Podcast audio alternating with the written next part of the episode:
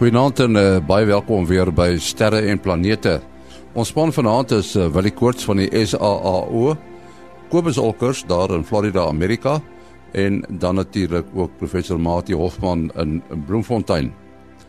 Ons begin soos gewoonlik eers met ruimte nuus wat geskryf is deur Herman Turin in Bloemfontein. Die herdenking van die 50-jarige besoek van die eerste mens aan die maan word oor minder as 'n maand gevier terwyl NASA planne het om die maan weer teen 2025 te besoek. Maar as 'n organisasie Liftport sy sin sou kry, sou die mens teen 2022 reeds met 'n soort huispak tot op die maan se oppervlak kon neerdal. Dit sou 'n voorlopige onderdeel wees van 'n projek om met 'n huispak van die aarde af tot by 'n stasie so wat 35000 km bo die aarde op seevlak op die ewenaar die sogenaamde geosentriese posisie vir kommunikasiesatelliete wat reg bo een plek op die aarde moet bly te kan ry.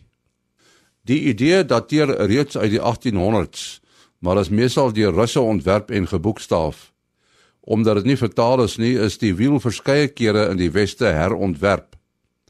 Liftport is 'n idee van 'n sogenaamde leer van die maanoppervlak af sou 'n tweede stasie op 'n vaste punt bo die maan vereis. Terwyl Liftport se idees in die jare rondom 2012 heelwat nuusdekking gekry het, het dit afgeneem na mate daar nie altyd die nodige vordering was met byvoorbeeld die ontwikkeling van 'n materiaal honderde kere sterker as staal en baie lig nie en het nuus daaroor al stiller geword. Die maanprojek sou veel makliker en meer uitvoerbaar wees hoewel NASA se maanplanne daarop dui dat 2022 vir die oprigting totaal onrealisties was. 'n Sterk genoeg materiaal vir so 'n leer bestaan reeds, naamlik Kevlar. Teen 2017 het die projek weer die nuus gehaal nadat dit bekend geword het dat NASA saam met 'n horde vennote beplan om 'n ruimtestasie bekend as Deep Space Gateway in die sogenaamde Lagrange 1 posisie om die maan te plaas. Hierdie ruimtestasie sou dan die ideale teenwig kon vorm vir die beoogde huispak na die maan se oppervlak. Tot sover dan ruimtenis wat geskryf is deur Herman Turin in Bloemfontein. Soos ek gesê het, ons het uh, vir Kobus Olkers daar in Florida, Amerika vanaand by ons, ook vir uh, professor Mati Hofman en uh, ook vir Willie Koorts. Maar gewoonlik uh, as ons klaar die nuus gelees het, Uh hoor ons eers wat doen die ruimte weer? O, hierdie week is dit baie maklik, jy doen niks. die die son is nou al vir 'n uh, ietsie oor die 30 dae vir daai hoegenaamd geen sonvlekke te sien is nie. Met ander woorde, daar's geen groot magnetiese aktiwiteit op die son se oppervlak in die gang nie. Ehm um, wat ons natuurlik wel het is wat wat gewoonlik uh uitkom hierdie tyd van die van die diepte van die uh, son minimum is is ehm um, corona gate en ons het natuurlik ook weer klaar een of twee van hulle wat verlede week reeds vir ons 'n bietjie van 'n ehm um, magnetiese geomagnetiese stormpies gegee het. En die enigste mense wat daardeur beïnvloed is is natuurlik deur die die langafstand radiogebruikers. Ons het enetjie hierdie week wat uh, so teen Woensdag gaan hy weer die die sonwind se spoed 'n bietjie opstoot, maar hy is noordgerig So ons gaan nie veel van 'n probleem hê wat ehm um, wat enige ander ruimte weer effekte nie. En dan natuurlik wat filamente en so dan betref, daar's nie enkel een te sien op die son nie. En uh dis is ons ruimte weer baie stil. Nou ja, dit is in 'n sekere sin goed om te weet dat daar nie veel weer daar is nie. Sog interessant as jy vir mense vra wat dink jy van die weer? As jy vir 'n boer vra dan uh, is mooi weer vir hom 'n storm wat aankom wat reën gaan bring en vir 'n ou wat wil braai is mooi weer geen wolke nie. Absoluut. Uh, ons het al oor uh jy weet ons gaan net nou weer met Kobus praat, maar ons het al oor hierdie begrippe gepraat in die program. Maar iemand het my nou die dag weer gevra, wat is die verskil tussen 'n sterrekundige, 'n astrofisikus en 'n uh, kosmoloog? Ek en nee, kom ons begin by 'n sterrekundige want ek dink dit is wat die meeste in die uh publieke verstaan van die onderwerp is. Uh dit is mense wat die wat die wat die sterrehemel uh bestudeer by wyse van instrumente, teleskope, ehm um, radio, hele verskeidenheid van teleskope of radiodetektore wat inligting van die uh van die heelal tot by die aarde bring. Dit sluit die uh, instrumentasie in, dit sluit die waarnemingstegnieke in en nou dit sluit die die die waarnemingsproses self in en natuurlik daarna die publikasie van waarnemings uh, die in die navorsing wat daarmee geassosieer is. uh, astrofisikus, dis nou iemand soos uh so Kobus, so hy kan baie daarvan vertel. Hy in die astrofisika wat jy nou uh die hemelliggame uh, wil verstaan in terme van die van die fisika wat ons ook op die aarde uh, kan bestudeer soos om te verstaan hoe sterre werk, kom sterre ontplof. Uh, Kobus se geval spesialiseer hy dan natuurlik op een spesifieke ster en dis die son. Maar as jy baie van die son weet, dan gaan dit jou natuurlik baie help ook om uh, ander sterre te verstaan want die son is 'n redelike tipiese ster. En dan 'n kosmoloog uh bestudeer die die heelal op die groot skaal. Uh so dis amper soos die makro-ekonomie van die van die heelal uh op die groot skaal en dan ook op die baie lang tydskaal van die oergeskiedenis van die hemel met ekstrapolasie van wat uh in die toekoms sou kon gebeur. Uh en die die die kosmologie het moontlik geraak met dit gevorder van blote teoretiese of filosofiese nadenke het dit gevorder tot 'n natuurwetenskap uh danksy die die twee groot uh fisici Edwin Hubble of well, Edwin Hubble was 'n sterrekundige uh hy die die die waarnemingsgrondslag gelê by wyse van die ontdekking van die uitdaging van die van die heelal maar dit het nou ook iemand soos uh George Lemaitre uh geverg om dit te interpreteer. Inderdaad as nie net 'n rooi verskywing van die lig waargeneem vanaf sterrestelsel nie maar in terme van die uitdaging van die heelal. En George Lemaitre uh het weer sy interpretasie gegrond tot Albert Einstein se werk. En Albert Einstein se teoretiese werk het die teoretiese grondslag uh gelê om enigsins oor op 'n teoretiese vlak oor die heelal in sy geheel uh te kan uh te kan praat. En dit het ook die konsepte van ruimtetyd inge, uh, ingebring wat uh, baie sentraal staan in die verstaan van die van die groter heelal wat dan uh materie en energie binne in ruimtetyd is. Ja, ek wil net vra Stephen Hawking en Carl Sagan, waar sou hulle lê? Ja, Hawking is beslis uh op die vlak van die kosmologie. Hy het hom baie daarmee besig gehou. Carl Sagan, jo, hy was 'n baie veelsidige uh, ou wat gedink en gepraat het oor uh van die van die gewone sterrekunde, die sonnestelsel tot die kosmologie wat sy eie spesialiteit was, dit is ek nou nie van seker nie. Ja, ek bedoel miskien 'n interessante ding bynoem dat deesdae is daar soveel data wat beskikbaar raak. Sê nou byvoorbeeld die mense wat eksoplanete soek, baie uh, fyn waarnemings oor die helderheid van sterre. Maar sterre wat verander in in in hulle helderheid, wisselsterre, uh gaan uit die aard van die saak ook uitkom uit die uit die noem dit nou maar die uit die geraas uit. En dan is daar mense wat belangstel in wisselsterre. En en daar is soveel inligting deesdae beskikbaar dat um dat sterrekundiges het sy nou of hulle sterrekundiges of astrofisici gewoonlik is dit die tipe mense wat dan hierdie data opslurp en en en dit gebruik uh vir hulle eie navorsing sonder dat hulle eers fisies ooit by 'n teleskoop uitkom. So dit is dis net interessant en soos in Kobus geval byvoorbeeld baie goed wat wat deur ruimteteleskope gedoen word. So dit is interessant dat sterrekundiges uh, uh, het sy nou sterrekunde tradisioneel of maar vir al jou vir, al jou jou, jou astrofisiese of jou kosmoloog um, is baie maal mense wat in hulle hele lewenstyd miskien nooit eers by 'n teleskoop sal uitkom nie. En dit is net sy waarom daar so baie inligting beskikbaar raak vanaf ander studies wat wat, wat dan uh nie nie, nie spesifiek daai daai da, studies se se se direkte belangstelling is nie. Kobus, jy's nou 'n astrofisikus wat spesialiseer uh in ons son, as ek reg. Eh, dit is eintlik as 'n mens dit losweg die die verskil wil kry dan is die dan kan 'n mens die uh, die sterrekundiges die mense uh noem wat by die waarnemings maak Ehm um, en soos Willie nou net gesê het, uh, is dit baie ongelooflik akkurate waarnemings vir die mense deesdae kan maak. Ehm uh, hulle kan vreeslike klein hoeke uh uit uh, bekyk.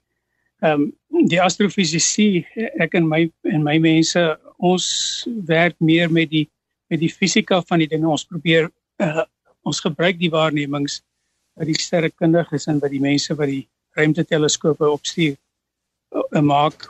Ons gebruik dit om te verstaan hoekom sekere dinge gebeur en dan probeer ons uh, voorspel daai wat wat wat gaan gebeur. En dan jou jou kosmoloog is dan die mense wat so bietjie meer filosofies na die ding kyk. Ehm um, so wat so 50% filosofie en 50% uh, wiskunde doen. Terwyl jy aan die woord is, uh, daar het uh, nuus gekom van 'n atoomklok. Nou ons weet atoomklokke word gebruik hier op aarde om uh, die presiese tyd te bepaal, maar uh, wat sonwaarneming betref en GPS en die goed is uh, uh, klokke as sodanig natuurlik baie belangrik en daar is nou 'n klok wat in die ruimte opgestuur gaan word om ruimtetye te help navigeer. Uh, weet jy iets daarvan Kobus? Ja, dit is eintlik baie interessant. Weet jy, um, ek dink elkeen van ons gebruik hierdie hierdie atoomhorlosies elke dag van ons lewens as jy op jou foon kyk um, en probeer kyk waar jy is. Um, want 'n GPS satelliet is niks anders as 'n massiewe groot atoomhorlosie nie. Al is nie eers so groot nie. Ehm um, en en uh, wat jy wat jou telefoon of jou GPS apparaat in jou motor nou maar doen is hy uh, hy kyk na die syne die die tydsyne wat van hierdie atoomhorlosies afkom wat hulle self GPS satelliete noem. En jy kyk maar net uh presies hoe hoe uh wat wat is elkeen se tyd as jy dit op in jou in jou foontjie inkry en dan bereken jou foontjie uh hoe ver elkeen van hom af was en dan op die manier kan jy met driehoeksmete meting baie maklik bereken waar jy is. Nou ehm uh, dit werk baie goed vir ons hier op aarde en natuurlik is die GPS is ook ontvanklik vir vir ruimte weer want hy moet dit deur die aarde se atmosfeer maak en deur die ionosfeer en die word natuurlik baie beïnvloed deur die ruimte weer.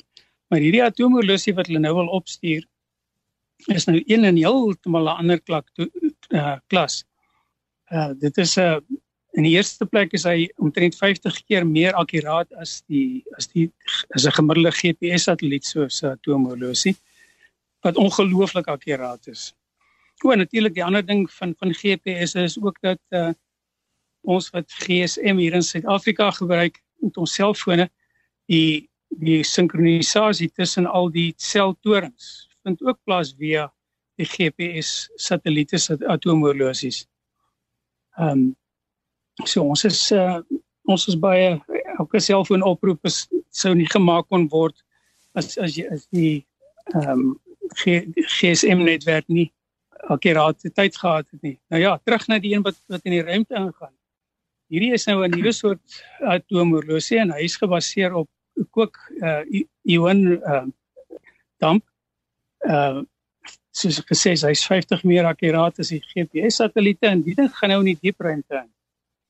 En die plan met die ding is op die oomblik nog net nog net 'n eksperiment om te kyk hoe akkuraat dit goed kan wees en hoe goed die syne kan werk en so. Maar die plan is dat hy soos 'n GPS uh standaardtyd moet werk.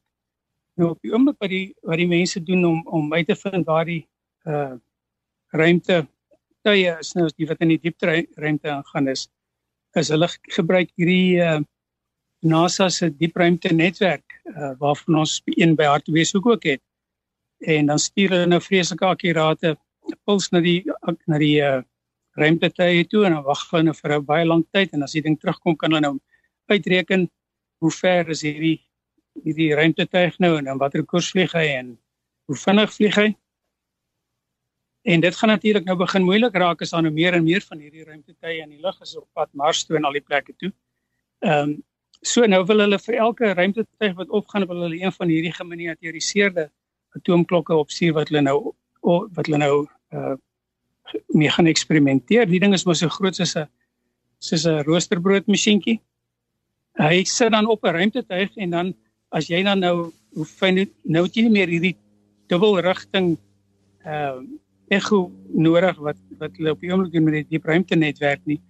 En kyk sien nou maar jy's jy's by Mars en Mars is op sy verste weg is dit 20 minute is 'n uh met 'n puls neem om by die by die ruimtetuig uit te kom en weer 20 minute terug.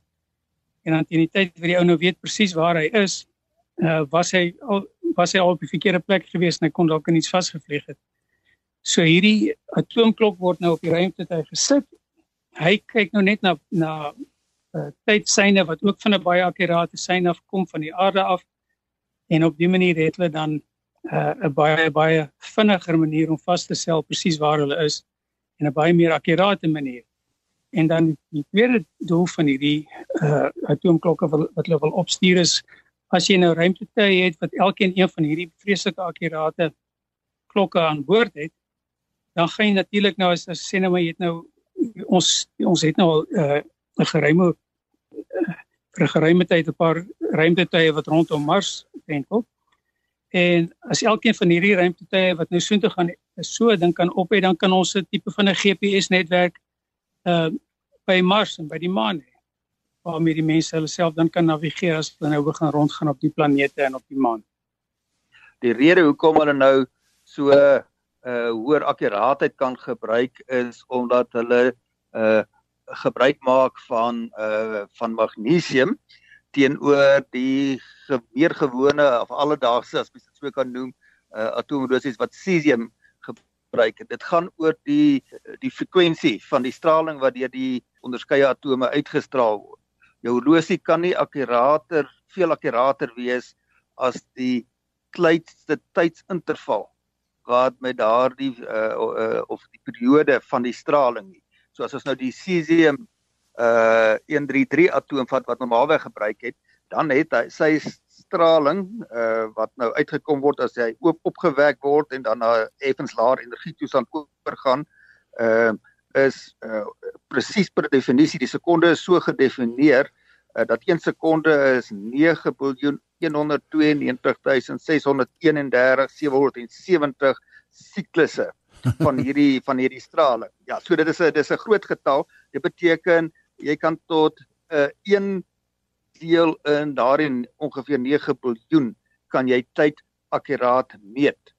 Uh nou met die die die rede hoekom die uh uh diepruimte atoomhorlosie dan soveel uh akkurater kan meet is dan omdat die da, dat uh, die uh magnesium 'n baie uh hoër frekwensie het en dis wat daardie uh uh kom ons het mos gesê ongeveer 40 of 50 maal akkurater. Dit dien hoe ja, konstig is ja, die, die frekwensie dan uh ja, uh soveel maal uh, uh hoër.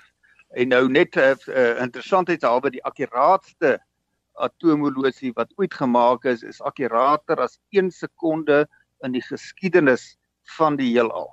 Oh. Uh okay, so dis nog baie akkurater, maar in die geval van die diepruimte atoomhorlosie is dit iets wat nou uh weet baie robuus moet wees en wat dan nou relatief klein is weet in orde van weet uh ek sien die massa van hierdie diepruimte atoomolosie het hulle 17.5 kg so uh, dit is dis nie uh, uh lig soos wat ons oor horlosie dink nie maar uh akkurater uh, horlosies het 'n hele groot in uh opstelling rondom hom neer uh, nodig om die omstandighede presies konstant te hou as mens nou 'n analogie wil gebruik, uh, mens dink aan 'n 'n slingerhorlosie waar jy 'n basiese osilasie het van 'n pendulum, dat jy 'n meganisme nodig wat daardie pendulum uh aanhou dryf, dat hy konstant verloop.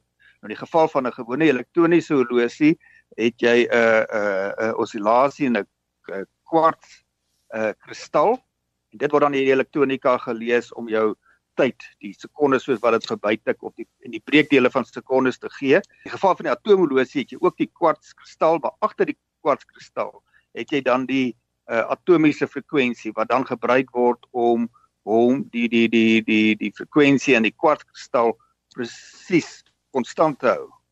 Alweg kan dit varieer as gevolg van temperatuur en sulke faktore en die atoomhorlosie vat daardie effek dan weg om die kwartskristal dan 'n 'n baie beter konstante tydsmaas af te gee.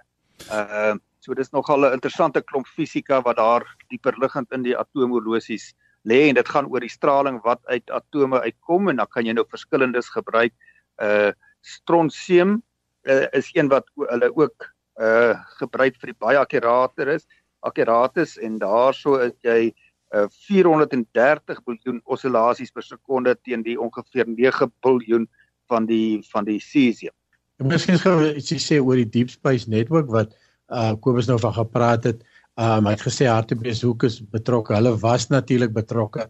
Is hulle nie in die 70's toegemaak en natuurlik dis die teleskoop wat uiteindelik ons uh um radiosterrekunde gedoen het al die jare. Ja, so ek nou eendag 'n praatjie moes doen oor dit en toe ek die ding 'n bietjie gaan navors nou die enigste van die oorspronklike deep space netwerk. So jy het net drie antennes nodig reg om die aarde om dan te enige tyd enige plek in die ruimte te kan kyk.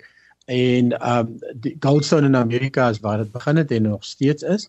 En uh ons op ons breedtegraad is dit nou geskuif na Madrid in Spanje toe en en dan in in Australië is dan die ander ene um wat deesdae by Canberra is uh, ek kan nie onthou wat die oorspronklike hy het ook net geskuif daarso.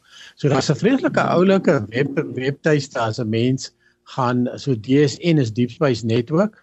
As jy nou net gaan Google DSN now of NASA's eyes, uh dan kry jy 'n vreeslike oulike webwerf wat vir jou al hierdie antennes wys en wat en waarmee elkeen op hierdie oomblik besig is. So ek het nou gou-gou daar ingegaan en uh die een in Canberra is nou besig om met die Juno ruimtetuig te praat.